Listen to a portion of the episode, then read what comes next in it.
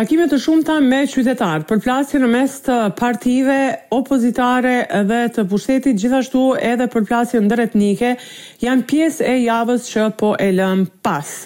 Kristian Mickovski ka dalë me një deklaratë se nuk njeh fitore të Ali Ahmetit në luftën e dy mijë e njëshit dhe sipas tij kishte qenë vullnetar në këtë luftë. Ndërkaq, Ali Ahmeti në një takim me qytetarë është shprehur se mund ta ketë parë luftën në televizion, por asnjëherë nuk ka qenë pjesë e saj.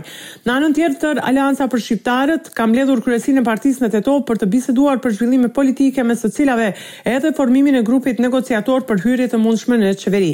Ky grup do të jetë i autorizuar të zhvillojë takime me partitë në koalicion qeveritar gjatë periudhës së mundshme për të matur pulsin e tyre për zgjerim eventual të shumicës. Siç bëhet e ditur, ata kërkojnë Ministrinë e Informatikës, Shëndetësisë dhe Drejtësisë dhe disa drejtori të mëdha. Megjithatë, Arben Taravari është shprehur se nëse hyjnë në qeveri, do të sigurohen tetëdhjetë deputetë dhe ka shpresa për ndryshime të mundshme kushtetuese, Në të kundërtën, duhet të shkohet në zgjedhje të parakohshme parlamentare. Kryeministri Kovaçevski ka mbledhur apo do të mbledhë partnerët e koalicionit, disa prej të cilëve janë shprehur kundër zgjerimit, kurse disa kundër shtimit të ministrave shqiptarë në ekzekutiv.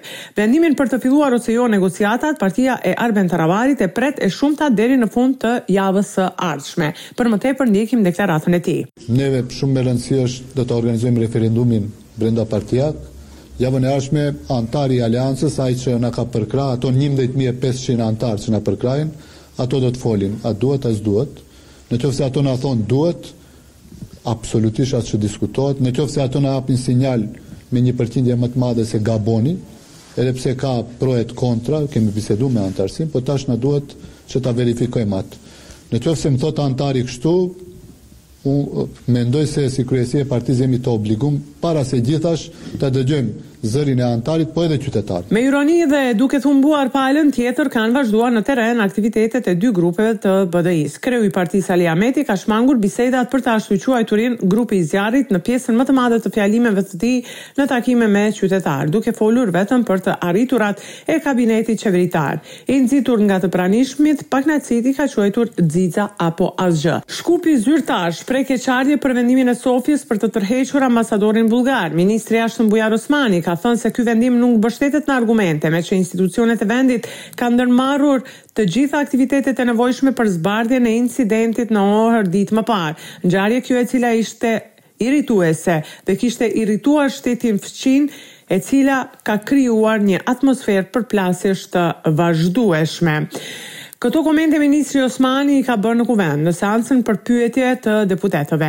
Deputeti Antonio Milloshoski nga VMRO-DPMNE në kontekst të përplasjeve Shkup-Sofje kërkon të dijë nga Ministria e Punëve të Brendshme a i ka marrë parasysh rekomandimet e presidentit Stevo Pendarovski për të ndaluar hyrjen e disa shtetasve bullgarë Para shënimit të ditës së lindjes së Goce Delçev, Pendarovski pas seancës së Këshillit të Sigurisë deklaroi se më katër shkurt në Shkup do të udhëtojë një grup i bullgarëve, përfshirë edhe politikanë për të marrë pjesë në shënimin e ditës së lindjes së Delçevit dhe se ka informacione se ky grup mund të shkaktojë edhe incidente. Megjithatë, Bujar Osmani, ka bërë të ditur se të gjitha masat do të ndërmerren dhe situata do të jetë nën kontroll. Për më tepër ndjekim deklaratën e tij. Dokolku e povrzano so incidentot. Nëse tërheqja e ambasadorit bullgar nga Republika e Maqedonisë së Veriut lidhet me incidentin që ndodhi në Ohër, Këtë do ta vlerësoja si aksion disproporcional, për shkak se bëhet fjalë për incident individual, për të cilin vendi mori të gjitha masat e mundshme, identifikoi kryerësit, njëri është në paraburgim. Rasti u dënua nga presidenti, kryeministri, ministri i Jashtëm. Unë shkova në Sofje dhe shpreha atë që si shtet duhet ta bëj për qytetarët tanë, Dhe me të vërtetë nuk shoh lidhjen mes rastit dhe reagimeve nga Sofja, dhe as që mundet që një incident individual të gjeneralizohet dhe të nxirren konkludime se si sillet vendi ndaj komuniteteve. Në ndërkohë është përfolur shumë lista e zezë amerikane. Ka një dialog të vazhdueshëm mes ambasadës së Shteteve të Bashkuara të Amerikës, Ekipit tim këtu me mua dhe zyrtarëve në Uashington, qoftë ai i Departamentit të Thesarit, qoftë Departamenti i Shtetit, qoftë Byroja e Këshillit për Sanksione të Vizave, Sanksione Ekonomike, qoftë Këshilli për Siguri Kombëtare për çështje të sigurisë. Kështu që ky është një proces i vazhdueshëm që shqyrton sanksionet e përshtatshme për persona të caktuar që varen nga ligjet dhe rregullat të cilat ata i kanë shkelur, gjë që do të bënte që Shtetet e Bashkuara të Amerikës të mos duan më që ata të hyjnë në atë shtet, ose sanksione financiare, ka thënë Angela Ageler, ambasadore e Shteteve të Bashkuara të Amerikës në Maqedoninë e Veriut.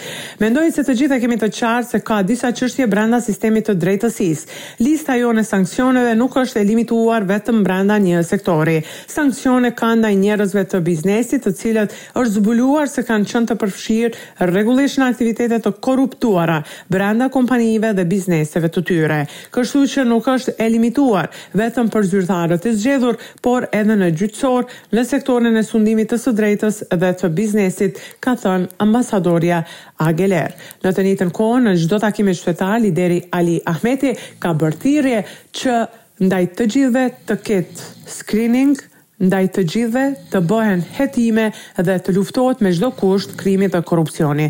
Për radion SBS raporton nga Republika e Maqedonisë së Veriut, Besiana Mehmeti.